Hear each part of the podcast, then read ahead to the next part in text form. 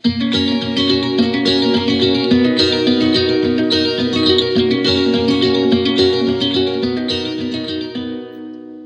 til Danske Bankers, podkasten for deg som vil vite hva som rører seg i markedet fra uke til uke.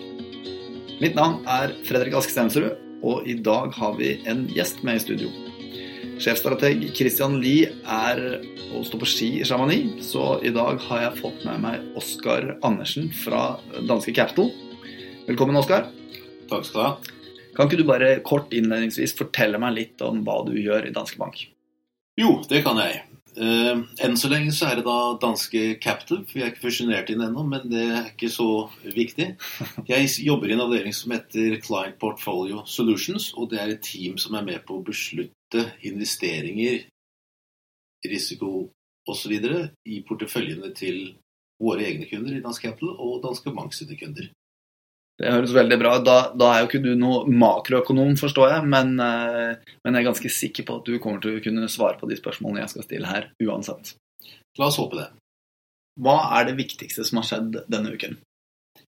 Ja, Det viktigste sånn som jeg ser det, i hvert fall, så, så er det da de amerikanske arbeidsmarkedstallene, som egentlig ikke har skjedd ennå, men kommer først nå halv tre i ettermiddag.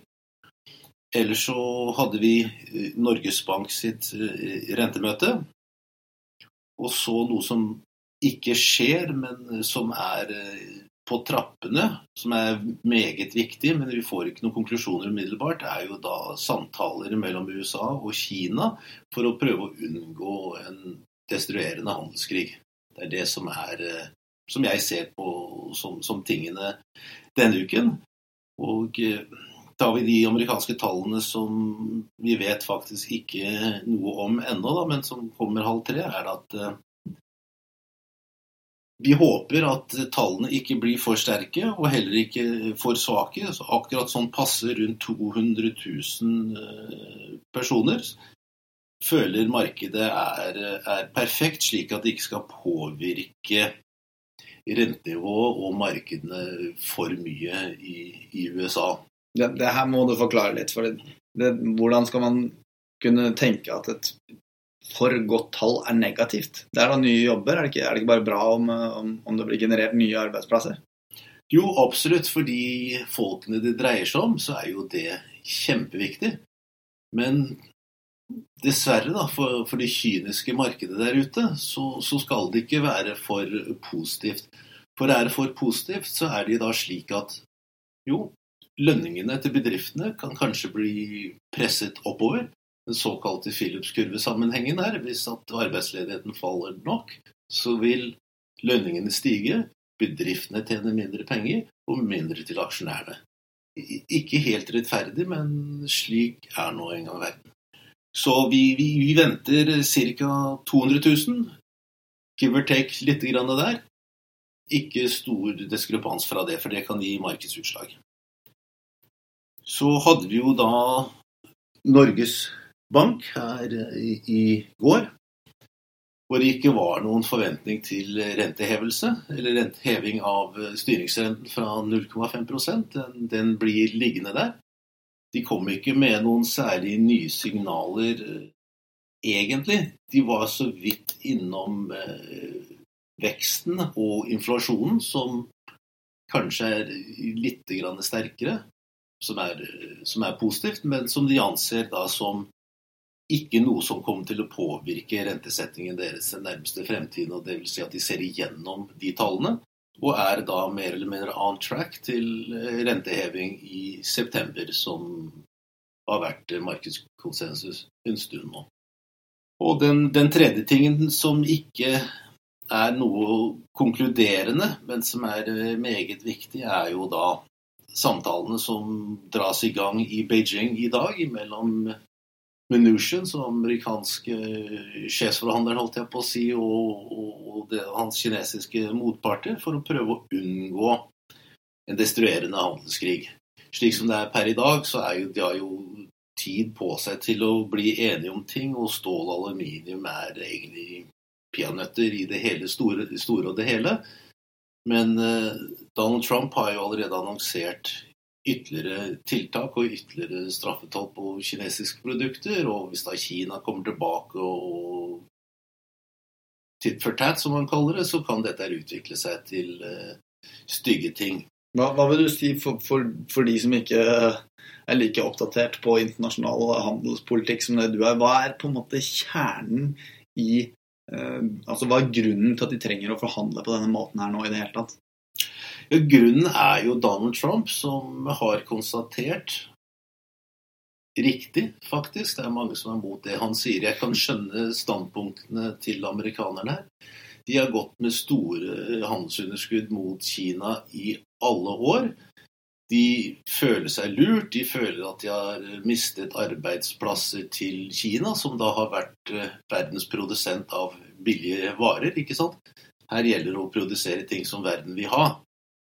Og da har det krevd billigere arbeidskraft, og da har det flyttet til Kina naturlig nok. Men det som kanskje er verre, er jo det som man snakker om eh, ja, stjeling slash låning av uh, intelligenskapital eller patenter osv. Som kineserne har forlangt å bli delt med deres bedrifter for at amerikanske bedrifter skal få lov til å etablere seg i Kina. De må gi teknologien til kineserne for å få lov i det hele tatt. Så da blir det stjålet, den teknologien. Så akkurat der har faktisk amerikanerne et poeng. Men at man skal gå mot hverandre og begynne å Proteksjonisme gagner ingen. Det gagner ikke amerikanerne. Det gagner ikke kineserne. Og det vet de. Så det, jeg, jeg, tror, min personlige oppfatning og, og, og mine kollegers oppfatning, at det ikke blir noen stor handelskrig ut av dette. her. De kommer til å bli enige om hvordan de skal gjøre det, og hvordan amerikanerne får innpass enklere i Kina uten å måtte gi fra seg alle sine såkalte hemmeligheter til kineserne. Det høres bra ut. Da beveger vi oss inn i fremtiden, Oskar. Hva er det som skjer neste uke? Neste uke syns jeg er litt tynt, men det er visse ting som kan gi oss pekepinner på fremtiden, egentlig. Og sånn som jeg ser det, så har vi eh, noe som er småviktig for Norge, da, er jo inflasjonstallene på onsdag. Vi har eh, Bank of England på torsdag. Det vil da si rentebeslutning. Opp, ned eller ikke noe. Og så har vi amerikanske KPI-tall på torsdag. Som er i og for seg alltid viktige og interessante å, å få med seg. Men eh, skal vi starte her hjemme da, med inflasjonen, så er jo den vært lav lenge. Det har jo bidratt til at uh, Norges Bank ikke har gjort noe særlig med styringsrenten sin, og de har heller ikke signalisert hyppig oppgang. Denne signalet som er nå, er i september, som vi ha, har nevnt. Og, det er jo fordi norsk økonomi har beveget seg veldig bra de siste månedene, og alt ser uh, rimelig fint ut. Vi hadde lave inflasjonstall her uh, sist måned, som var på 1,2% Det forventes nå er eh, neste torsdag at de skal opp til halvannen prosent. Norges Bank ligger med sine forventninger på 1,6 slik at det er fortsatt under målet til Norges Bank, som igjen da sier jo, vi kommer sannsynligvis ikke til å akselerere rentehevingen våre, slik at vi ligger fortsatt gående. og det De tallene, hvis det er det som kommer, så blir det helt fine. Hvis inflasjonstallene blir veldig lave, så kan det da skje at markedet kan begynne å tro at det kanskje ikke blir noen renteheving i september allikevel. Ja, jeg skulle akkurat komme med et oppfølgingsspørsmål der. for Når man da regner med at vi får en heving i september, vil det si at det også ligger en forventning om at inflasjonen skal forandre seg mot september? At den skal bli høyere? Ja, i hvert fall bevege seg mot Norges Banks mål på 1,6. Ligger det langt under det, så kan man sette spørsmålstegn til om de kanskje vil utsette eller ikke.